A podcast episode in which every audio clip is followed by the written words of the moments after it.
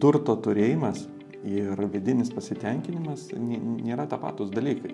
Jis neišplaukia vienas iš kito. Kai kada žmonėms atrodo, kad jiems trūksta laiko, kad pasimėgauti. Ar ne, bet jeigu jo būtų užtekę, bet aš tikrai galėčiau turėti laimingą gyvenimą. Bet mokytas sako atvirkščiai, reiškia, nelaikė problema yra. Net jeigu tu laiko turėtum tiek, kiek tu užsimanai, tai nieko neįspręstų. Problema yra mūsų santykė su to, ko mes turime, o ne tai, kad per mažai laiko mums yra skirta nugyventi. Kokybinis skirtumas yra tai, kad žmogus, kuris turi ir duoda, jis yra tas, kuris iš tikrųjų greičiausiai gauna iš Dievo ir to dovana pasimėgauti to, ką jis turi. Žmogus, kuris turi ir kaupia, jisai taip lieka turys, bet iš esmės taip niekada ir nepasidžiaugęs.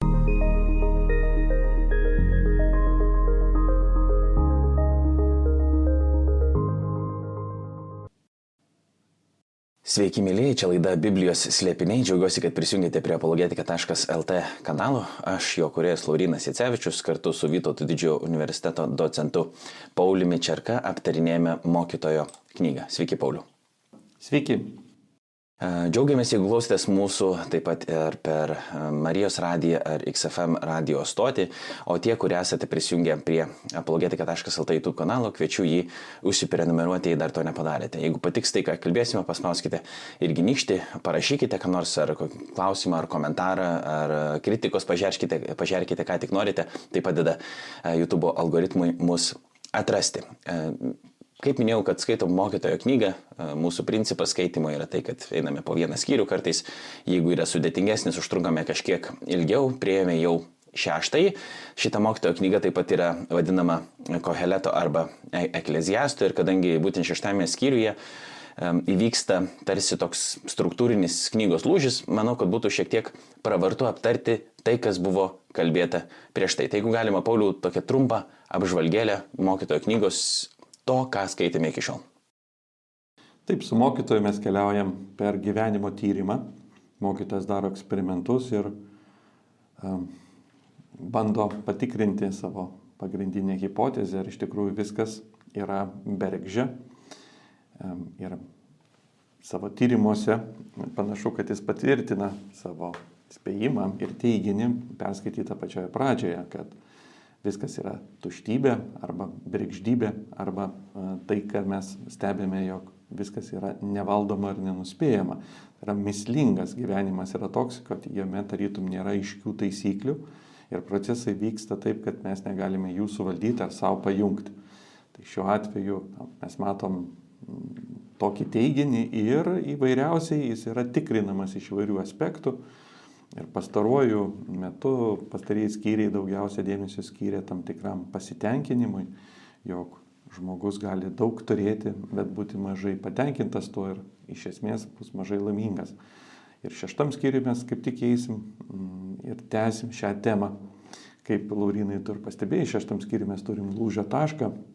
Galima pasakyti, kad nuo dešimtos eilutės e, mes perėsim į, mm, galima sakyti, į antrąją dalį knygos, kuomet jo gyvenimo tyrimai baigsis ir prasidės išvadų dalis, kurios arba kažkaip tai patvirtins mm, jo pagrindinę tezę, ar su jas taps ar ne. Ir Biblijos tyrėjai kaip tik na, pastebi, kad e, pirmoji knygoje dalyje mes randam vienus teksto atsikartojimus, o antroji dalyje kitus. Būtent e, knyga baigsis su tuo, kad Devintojo lūtėje tai yra migla ir vėjų vaikymasis fraze, devynis kartus sutinkama ir būtent pirmoje dalyje. Troje dalyje mes jos nesutinkam ir tai tyrėjami yra nuoroda, kad knyga tematiškai yra suskirstyta, galima sakyti, šitam lūžio taške. Antroje dalyje mes matysim kitas tipinės frazes, kaip bandžiau suprasti, ieškojau, nežinau, gera arba yra geriau. Ir tos frazės bus būdingos antrajai daliai. Taigi, e, taip tyrėjai ats, nu, atskiria, kad čia yra kokybinis lūžis.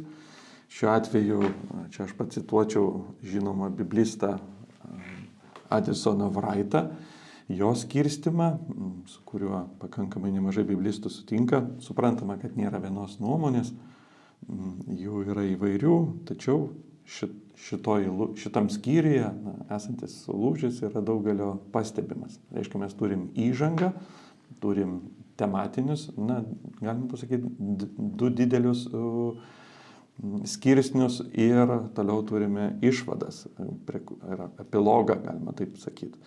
Tai va, pirmoji dalis būtų tyrimų dalis, gyvenimo tyrimai, bandymai, antroji dalis būtų um, gyvenimo išvados. Arba iš tų, iš, iš tų tyrimų išplaukiančios išvados. Tai kaip gyventi, jeigu gyvenimas yra toks nevaldomas. Tai trumpai tiek. Dar būtų galima tikriausiai prisiminti tai, kad e, šita knyga, joje mes girdime du balsus, tai yra autoriaus ir mokytojo. Ir e, bent jau kiek pradžioje kalbėjome, tai mokytojo balsas yra tarsi e, proto balsas, autorius daugiau atspindi tikėjimo balsą ir po to dar autorius prabils e, knygos pabaigoje, darys savo jau apibendrinimą po mokytojo apibendrinimo ar išvadų, jeigu taip galėtumėm pasakyti. Ir e, kitas dalykas, kuris galbūt yra svarbus, apie ką jau pradėjot kalbėti, ką tik tai yra apie knygos skirstimą. Be abejo, mes sakom, kad lūžis vyksta šeštojo skyriaus 90 eilutėje, bet kai šita knyga buvo surašyta, Tai nei skyrių buvo, nei eilučių buvo ir apskritai Biblija kaip tokia, sakykime, knygų rinkinys pirmiausia neturėjo tokio skirstimo, kuris yra mums įprastas dabar. Tai galbūt kai kuriems būtų įdomu sužinoti, kada tas skirstimas e, prasidėjo ir kodėl jisai tai prasidėjo ir ar jis yra vienodas. Taip, iš tikrųjų, e, Biblijos tekstas, kurį mes šiandien turim prieš savo akis ir prie esame įpratęs, toks nebuvo pačioj pradžioj Ir kartais mums tai sunku įsivaizduoti, dažnai mes įsivaizduojam, kad jis taip turėtų būti skirstamas ir, ir mums atrodo neįprasta biblistų, sakykime, siūlomi kiti variantai, e, kurie paprastai būna įsigilinus į tematinius elementus teksto, skirstant skirtingas aspektais ir nebūtinai e, tie skirstimai būtų ten, kur yra mūsų įprasti skyriai. O istoriškai e, Biblijos tekstas buvo pradėtas skirstyti, na, iš pradžių ne tiek eilutėmis ir numeriukais, kuriuos mes turime, bet labiau skirsniais, kurie buvo pritaikyti skaitimui, kai jau tai buvo skaitomas bendruomenėse tekstas, natūralu, reikėjo jį adaptuoti ir parinkti tam tikrus skaitinius tam tikrom dienom. Tai įvairūs tokio pobūdžio skirstimai buvo pirmieji Biblijos skirstimai ir jie atsirado pakankamai anksti, ketvirtam amžiuje jau yra įvairaus pobūdžio skirstimai. Bet jie nėra tokie, kuriuos mes dabar matom. Tai, kas yra pasiekę mus, yra, galima pasakyti, nuo 13 iki 16 amžiaus įvykęs procesas, labiau susijęs su Biblijos spausdinimu, kuomet atsirado poreikis tikslinti, numeruoti eilutės Ir praktiškai 16 amžiui susiformavo tai, ką mes dabar turime. E, nors buvo siūloma įvairių variantų, ne visi prigijo, na, tas, kuris prigijo, iš, iš tikrųjų išplito ir mes prie jos pripratę, bet reikia pasakyti, kad būna ir Biblijos leidimai, kurie vėlgi atsisako šito skirstimo ir bando grįžti prie tarytum na, tos knygos būvio, kokia jinai buvo pačiai pradžioje arba kaip autorius ją rašė, nes autorius rašydamas na, nežinojo, kad jinai pavirsi tokias eilutes, tos eilutės labiau yra reikalingos duoti mums nuorodas ir dirbti su tekstu, tačiau kartais jos ne visai tiksliai na, suskirsto patį tekstą, jos daugiau yra techninė informacija. Beje, turbūt e, klausytojai gal prisimena, kai Morkaus berots Evangelijai Kristus kalba ir cituoja e, penkiaknygiai, sako knygoje apie degantį krūmą arba rytinėje apie degantį krūmą. Tai mes matom, tuo metu neišėjo pacituoti skyriaus ir eilutės, tai buvo daugiau tam tikro rytinio užvadinimas su degančio krūmu ir toks buvo tuo metu nuoroda į, į knygos dalį. Va, šiandien mes galim labai tiksliai pacituoti eilutę, nes jos beveik visos yra sunumeruotos sakinio tikslumu. Toks būtų trumpas, trumpa apžvalga. Marinai. Pabandom tikriausiai tada paskaityti kažkiek e, teksto ir nu, jo aptarti. Tai šeštas skyrius nuo pirmos eilutės. Ir kitą blogį labai sleginti žmogų mačiau pasaulyje. Kartais Dievas suteikia žmogui tiek turtų, nuosavybės ir garbės, kad jam netrūksta nieko, ko jis trokšta. Tačiau Dievas neleidžia jam iš to patirti malonumo. Vietoj jo iš to patiria malonumą svetimas žmogus. tai irgi migla ir skaudus blogis. Net jeigu žmogui gimtų šimtas vaikų ir jis gyventų daug metų, sulauktų senyvo amžiaus, bet pats savo turtais įkisuotis nepasinaudotų, man atrodo, kad negyvas kūdikis būtų už jį laimingesnis. Nors jis tik kaip migla ateina ir į tamsą išeina, nors jo vardą dengia tamsa ir jis neturi kapo, nors jis niekada nematė saulės ir nieko nepažino, vis vien negyvas gimęs kūdikis ilsisi ramiau už aną.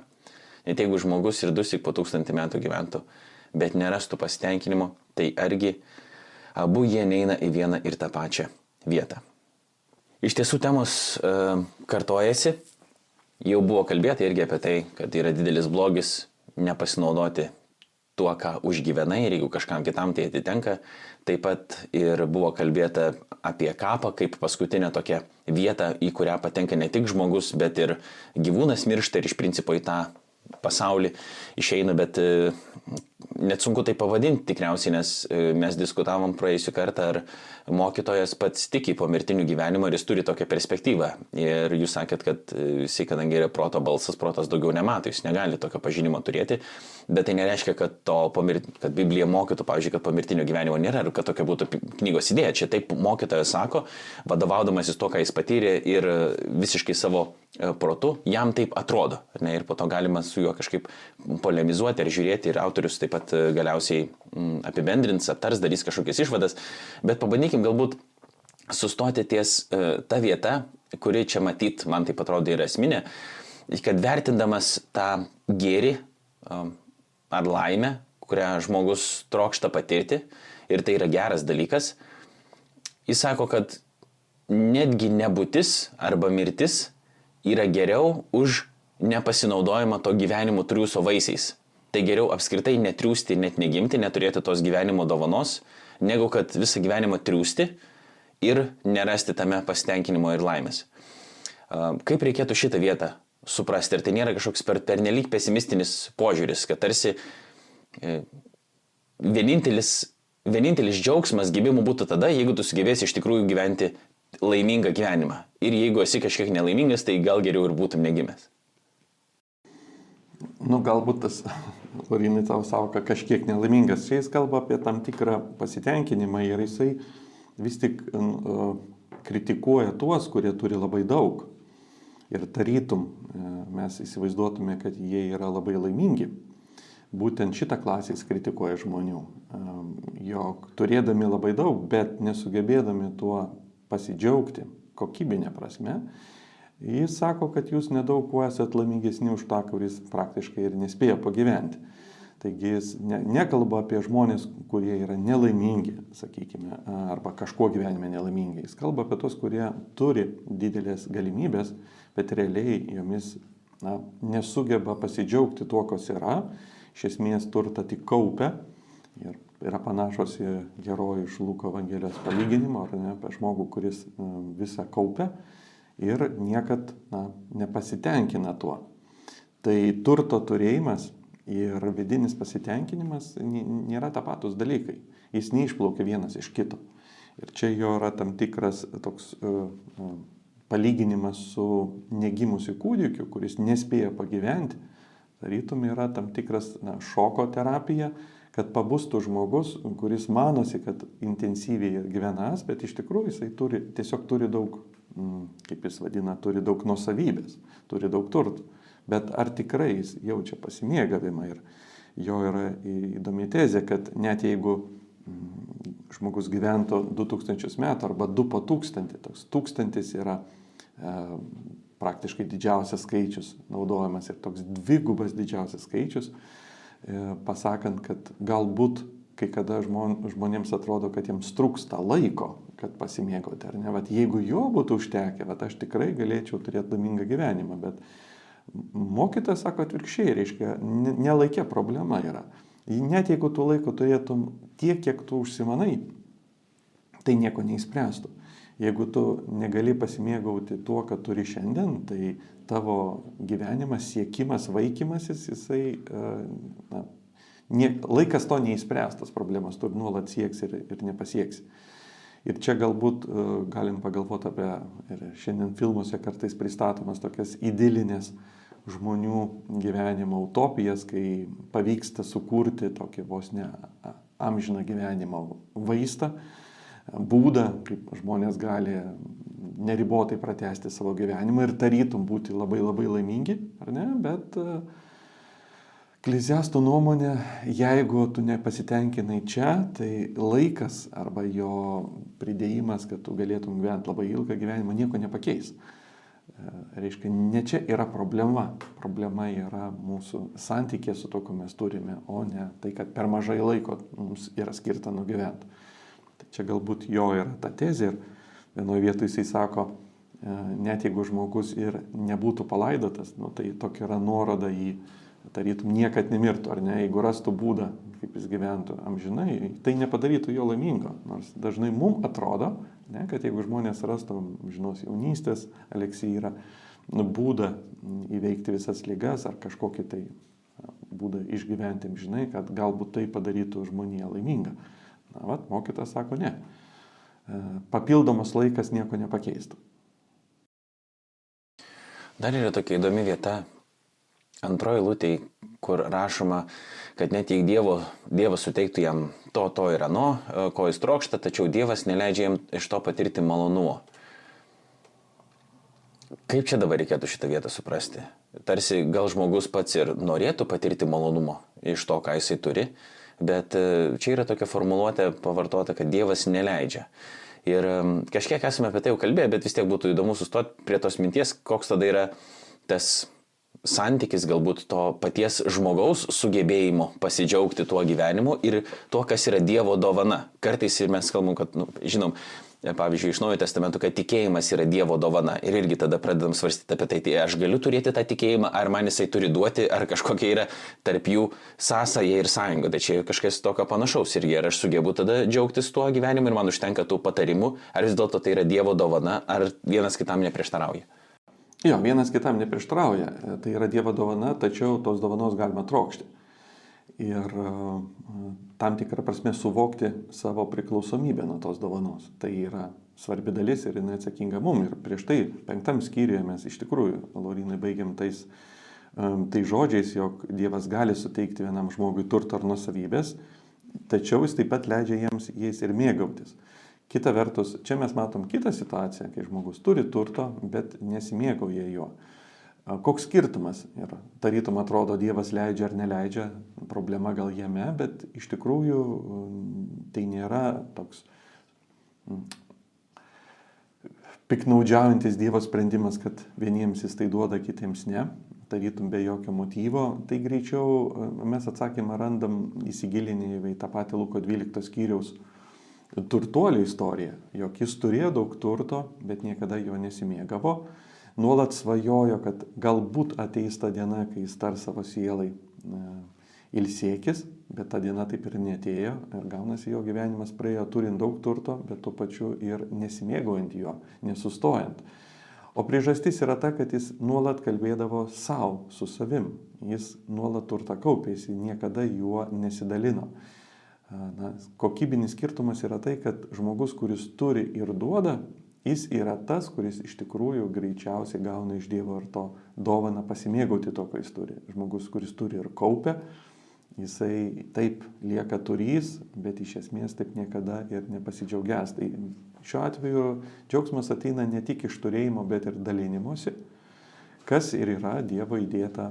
Mm, na, į šį gyvenimą kaip tam tikrą logiką, kad turintis dalintųsi ir dalinantis mes iš tikrųjų patiriam tą Dievo dovaną pasidžiaugimo tuo, ko mes turime ir to, ko mes darome. Dar panašu, kad susiduria čia tarsi du tokie mentalitetai, tai apstybės ir stygiaus, kad vienas, kuris gali turėti labai daug, bet jam vis tiek labai atrodo, kad trūksta ir jis net nesugeba pasidžiaugti tuo, ką turi, nors turi, sakykime, objektyviai žvelgiant, lyginant su kitais tikrai daug. Ir gali būti kitas, kuris turi e, saliginai nedaug, bet jis sugeba to džiaugtis, jis gali džiaugtis vien dėl to, kad turi gyvybę. Aš atsimenu, jūs kažkada Solčeker konferencijoje kalbėjote irgi apie tai, apie tai, kad svarbu, kad nu, ta gyvybės dovana, pati gyvybė, gyvastis yra, e, yra jau toks kaip ir pakankamai priežastis džiaugtis. Ne, nežinau tiksliai, nebeatsimenu, kokia buvo tai formuoti, bet kad tai yra svarbiausias dalykas, ne?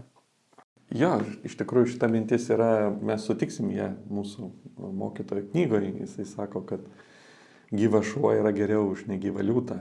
Ne? Kad yra daug dalykų, kurie yra labai vertingi, bet jie mūsų yra nepastebėti ir neįvertinti. Ir jeigu mes iš naujo pažiūrime, kiek mes turime ir ką mes turime, paaiškės, kad mes ne tik turtus turim, ne tik nusavybę, daugelio kitų, netgi svarbesnių ir brangesnių dalykų ir atsiranda pagrindas džiaugtis, kad tu tai turi, tu gali to mėgautis. Ir čia ir yra pagrindinė idėja, kad e, pasitenkinimas nepriklauso nuo turto gausos. O jis ir yra na, vidinė ta gyvenimo kokybė. Žmogus viduje yra daug, gali būti laimingesnis arba priešingai, labai nelaimingas. Ir Jeigu mes net ir žinome, kiek žmogus turi pinigų sąskaitoj, tai nėra atsakymas, ar mes jį rasim pasitenkinusi gyvenimu. Tai vad, e, mokytas ir ieško tų klausimų, svarsto ir jis galvoja, kad jeigu žmogus turi labai daug, bet neranda to pasitenkinimo, tai ar verta. E, kitaip tariant, buvo dėl to taip plėšytis, jeigu už to neslypi e, tai, ko tu, tai, tai, ko tu sėkėjai.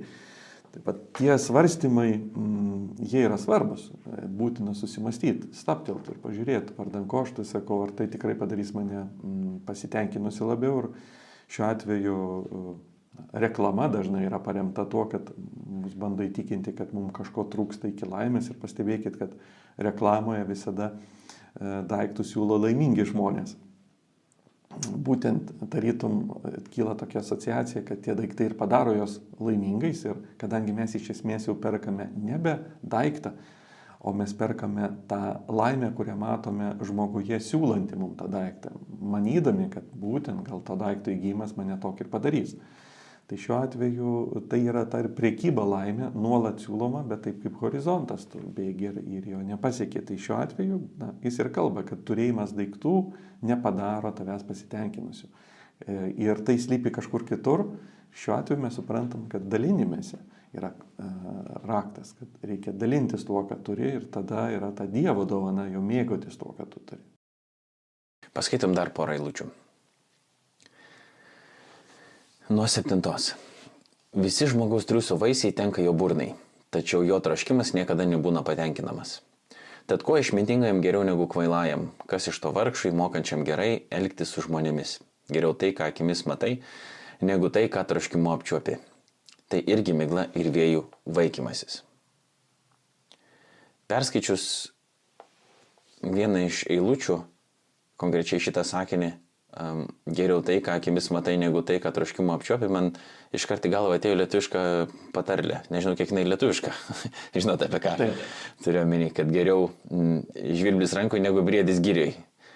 Ar ir čia kažkokia tokia ir panaši idėja e, išreiškiama, ar vis dėlto mokytojas kažką kitą nori pasakyti? Ne, praktiškai ta idėja ir yra, kad e, dalykus, kuriuos tu turi, tu juos gali matyti, a, ir dalykus, kurių tu neturi, gali jų vaikytis. Ir šiuo atveju na, mažiau, bet tuo pasitenkinti turint yra kokybiškai geriau negu daugiau ir, ir to nuolat vaikytis. Skirtumas yra tas vaikymasis, kuris tave sekina. Ne? O turėjimas, jeigu tu pasitenkini tuo, ką matai, ar ne, yra tave tarytum suteikia tam tikrą vidinį na, pasitenkinimą arba džiaugsmą. Tai šiuo atveju čia tik išreikšta kitais žodžiais, bet idėja tikrai yra ta, kad tai, ką matai akimis, yra tai, kad tu turi gal ir mažai, bet tu tai turi. O tai, ko tu neturi, bet įsivaizduoji ir sieki, gali būti daug, bet būtent tas vaikimasis ir yra mhm, na, sekinantis momentas, nedarantis tavęs pasitenkinusiu. Ir įdomu, kad jis sako, kad iš tikrųjų mes na, gyvename tarytum dėl burnos, ar dėl savo poreikių, jie mūsų gyvenimiški, žemiški poreikiai mus veda įvairiausius susėmimus, reikalus, kad mes galėtume atsakyti, tačiau jie yra, jie yra e, ne, nepatenkinami iki galo. Kiek tu juos tenkintum, tu negali jų pasotinti grinai per būdą, kai tu juos nori patenkinti. Reiškia, yra turbūt kitur, e, kitur šaknis, kaip mes juos galim kaip galim rasti pasitenkinimą, ne per pasotinimo būdą, ar ne? Šiuo atveju na, kažkur atsakymas lypi ne ten. Tai įdomu, kad e, taip, mes poreikius turim, taip, jie vesme, mus veda į e, tam tikrus užsiemimus ir gyvenimo kryptis, tačiau pasitenkinimas neteina per jų atliepimą, nes kiek tu jų betlieptų, atsiras naujų. Ir dažnai mums atrodo, kad vat, jeigu aš tik turėčiau tą daiktą arba pasiekčiau tą, sakykime, gyvenimo etapą, įgyčiau kažkokias tai kvalifikacijas, jau tada man nieko daugiau nebereikėtų, bet kaip tik tu užlipi ant to naujo kalno, atsiveria naujas horizontas ir vėl pasirodo naujas viršukalnės. Tai šiuo atveju gaunasi, kad tas žaidimas niekada nesibaigia, jeigu jį taip žaisti. Ir septintoje lūtėje rašoma, kad visi žmogaus triusų vaisiai tenka jo burnai, tačiau jo traškimas niekada nebūna patenkinamas. Susidarytų toks įspūdis, kad vis dėlto yra kažkoks tas troškimas, kuris yra tarsi legitimus ir jis gali būti patenkintas tik ne tais dalykais, kaip žmogui atrodo. Ir lyg ir Sės Liūsas, ar kas dabar tiksliai nepamenu, yra pasakęs, kad žmogaus širdie yra Dievo formos skilė ir niekas kitas negali jos užpildyti. Tai kad vis dėlto, jeigu ir Šventas Augustinas yra pasakęs irgi, kad Dieve tu sukūrė mūsų savo ir mes nerasime ramybės, kol nerasime jos tavyje. Um, tai ar ir, sakykime, mokytojas šitos perspektyvos kaip ir neturi, ar ne? Um, tai ar tada, ar galim sakyti, kad vis dėlto jinai yra numanoma ir mums reikia pakeisti savo sampratą to, kada ką mokytojas iš tikrųjų čia sako, ar vis dėlto jisai tiesiog bando nuraminti žmonės ir sakyti gerai, e, visi tie dalykai, kurių tu nori, jie tavęs iki galo nepatenkins, tai tiesiog pasitenkink tuo, ką turi. Ar yra ta gilesnė, sakykime, perspektyva, jeigu taip galima ją pavadinti? Jo, mokytojas nėra ateistas, mes nors kalbam apie tai, kad jo perspektyva baigėsi su, su mirtimi ir vėliau matysim, kad jinai irgi negali uh, eiti gilyn į, į dalykus, kurie yra tik apreiškimu mums pažįstami. Tai ta prasme jo perspektyva yra ribota, bet jis tikrai nėra ateistas, kuris nepripažintų Dievo buvimą. Jis nuolat kartoja, kad iš Dievo rankos ateina Dievo dovana. Tai šiuo atveju tikrai mokytas mato Dievo veikimą, suvokia, kad Dievas na, yra santykis su Dievu, jis yra svarbus. Tiesiog gal mokytas neturi apreiškimo perspektyvos į pasaulį. Į pasaulį jisai žiūri grinai proto akimis ir stebi pasaulį po Saulę, ką jis, ką jis apibrėžė. Bet čia daugiau, Lorinai, kalba ne apie mūsų širdies pasitenkinimą, bet kalba burnos pasitenkinimą, ar ne? Tai apie tuos poreikius, kuriuos mes natūraliai turim, kuriuos mes tenkinam, bet jo idėja yra tai, kad juos tenkindamas tu jų iki galo nepatenkinsi. Reiškia reikalingas kitoks kažkoks prieitis ir ta prieitis yra kuriais vėliau sako, geriau tai, ką akimis matai. Reiškia, geriau yra pasitenkinti mažu, kuo, turi, kuo tu turi, o ne dar labiau patenkinti tą alikį, eiti tuo keliu, kad, reiškia, daugiau duoti mūsų burnai valgyti, gal taip jinai bus sotesnė. Reiškia, ne per didesnį pasotinimą, bet per uh, požiūrį į tai gyvenimą keisti. Reiškia, tokį, na, savo apetito mažinimo keliu eiti, o ne apetito sotinimo keliu. Tai jo, jo greičiau, tikslas yra, greičiau tikslas yra apie tai. Ir, ir čia aš manau, kad tai yra nuolat aktualu, nesvarbu, kiek mes tikėjimo kelyje esam nuėję, mes nuolat nu, turim tai savo priminti ir nepamiršti, kad mm, pasotinimas yra dirbant su savo apetitais, o ne su pasirūpinimu dar didesniais sakykime, turtais. Ir kartai žmonės e, mano, kad Dievas parūpins tos turtus ir nusavybę ir taip žmogus taps laimingas. Reiškia, jie atranda Dievą kaip būdą labiau pasotinti burną. Šiuo atveju ekleziasta tada mus gydo nuo tokio požiūrio, jog su Dievu kelionėje mes nerandame to visagalio, kuris mus dar labiau aprūpintų. Kartais yra toks lūkestis, Priešingai, jisai mūsų išmoko pasitenkinti, mm, na, galbūt kuklume ir mažume. Tai vad iš ten mes gauname jo dovaną turėti pasitenkinamumą, o ne dar didesnius, sakykime, nusavybės ar, ar turtus ar, ar kitus dalykus. Tai, tai, tai yra aktualu mums. Baigiam skaityti skyrių nuo dešimtos eilutės. Kas tik įvyksta, tas jau seniai buvo numatyta ir žinoma, kad įvyks. Žmogus negali ginčyti su stipresniu už save. Dažnai juo daugiau žodžių, juo daugiau miglos. Tad kokia žmogui iš to nauda? Kas gali žinoti, kas geriausia žmogaus gyvenime per tas kelias jo gyvenimo dienas, kurios dinksta tarsi šešėlis? Arba kas gali pasakyti žmogui, kas bus po jo pasaulio? Minėtas lūžis, dešimtoje lūtėje, kas tik vyksta, tas jau seniai buvo numatyta e, ir žinoma, kad įvyks. Galėsim dar ir apie tą patį lūžį daugiau pakalbėti, nes pradžioje tik buvo apie tai užsiminta. Bet žodis numatyti ar numatymas taip pat yra žinomas krikščioniškose ratuose iš teologijos kaip predestinacija. Ir daugiau tai vyksta šitos diskusijos apie, apie numatymą Dievo ką, ir žmogaus laisvą valią, kad Dievas yra numatęs, ar tai gali kažkaip pasikeisti, ar tada žmogus gali iš tikrųjų laisvai rinktis, ką nors, jeigu Dievas yra jau viską iš anksto nusprendęs. Dažniausiai tai vyksta Naujojo testamento kontekste ir konkrečiai, pavyzdžiui, laiško romiečiams aptarėme. Bet čia irgi yra šitas žodis. Tik ne iki galo aiški pati idėja. Ar čia yra kažkas kalbama apie tą predestinaciją ir apie ją truputį galim galbūt ir padiskutuoti, ar tai yra aktuali e, apskritai, aktualus klausimas, e, vadinkim taip, e, Senojo testamento konteksto žmogui. Predestinacijos klausimas yra gana sudėtingas.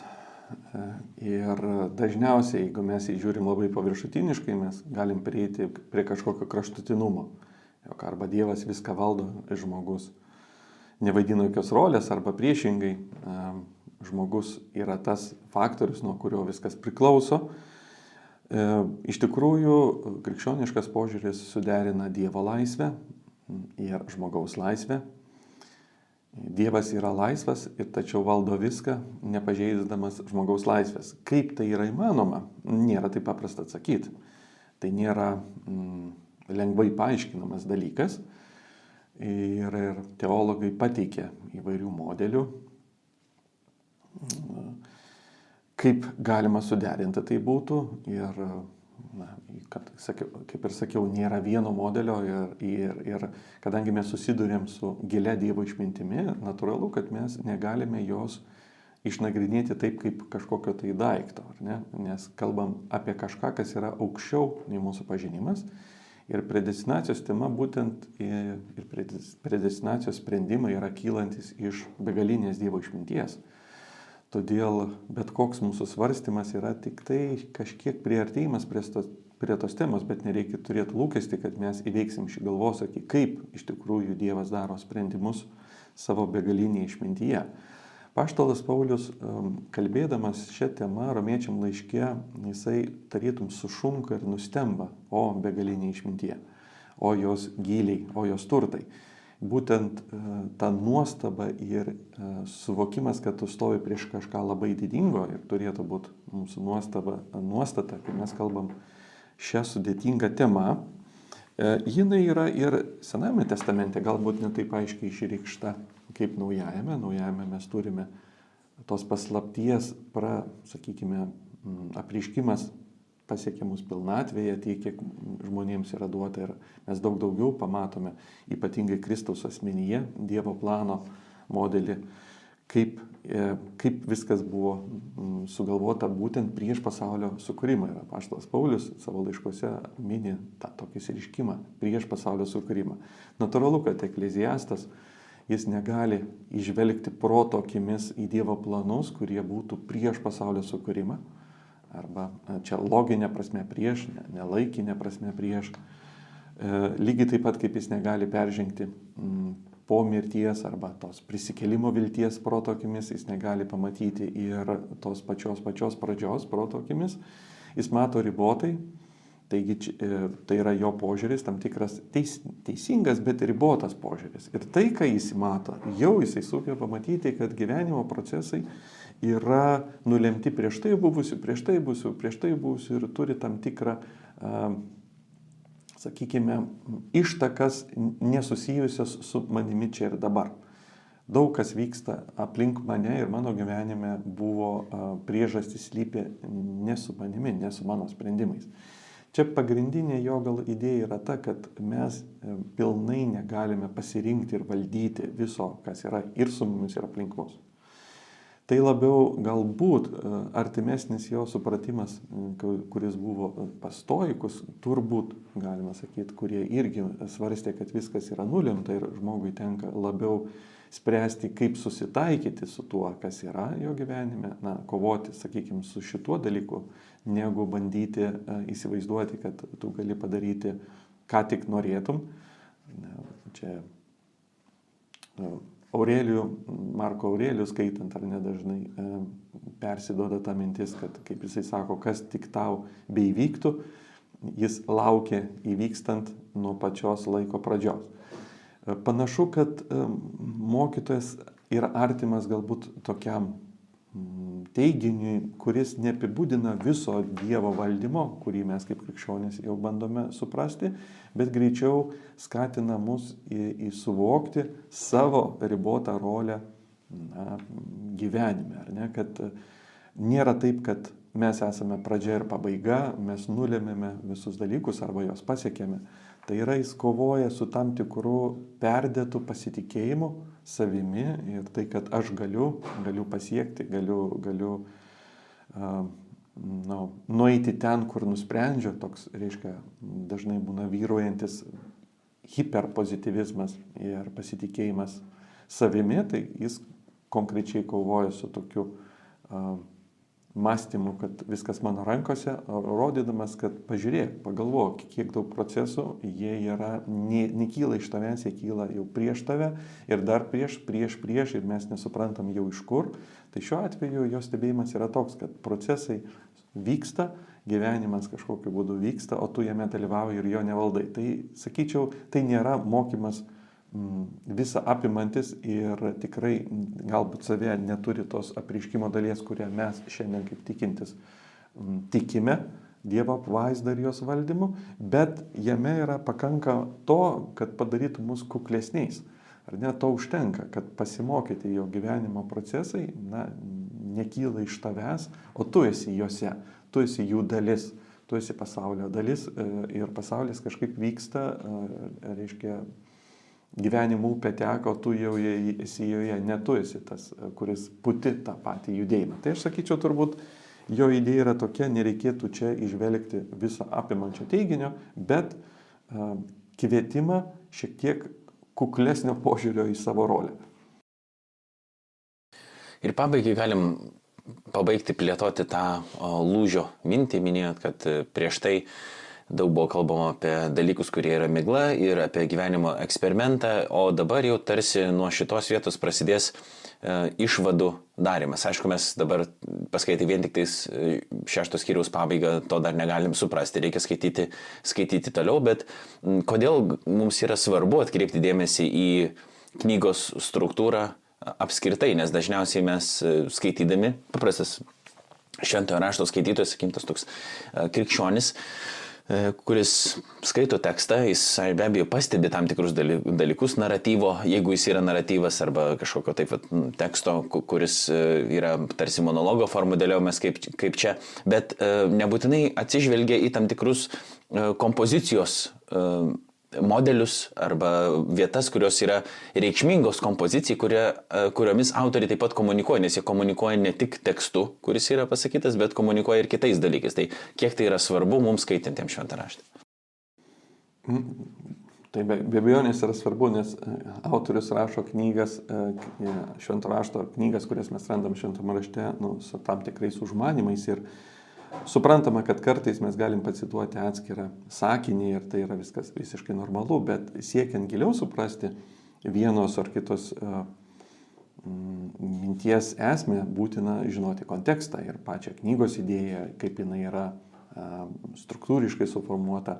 Kartais uh, labai verta pasižiūrėti turinį, nes dažnai turi, turinys E, skyrių užvadinimai ir paskirstimai tau leidžia suprasti tam tikras idėjas iš paukščio skrydžio, tarytum kaip autorius jas dėsto, nes labai lengva pasiklysti labirintose detalėse ir nepamatyti to bendro vaizdo. Tai būtent dėl to mes e, žiūrime į biblistų, egzegetų tyrimus ir iš tikrųjų labai vaisingus tyrimus, kad mes periname kokybiškai į naują dalį, e, tarytum išvadų dalį E, išvadų iš to, kad jeigu mes visko taip nevaldome ir viskas taip yra chaotiška, tai kaip toliau gyventi, gali, ar galima turėti kažkokių tai išvalgų iš to ir pasirodys galima, mes pradėsime nuo, nuo tų, kad yra geras vardas vertesnis už kvapno aliejų, bus sekanti eilutė, tai tam tikras, sakykime, patarimas, kad netgi tam na, rūke, kuomet tu negali suvaldyti visų procesų, vis tiek tu gali vadovautis tam tikrais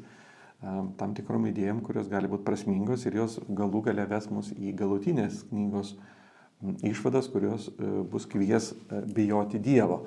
Jeigu gyvenimas yra toks nevaldomas, tai ar nevertėtų mums priklausyti nuo to, kuris jį kažkaip tai valdo.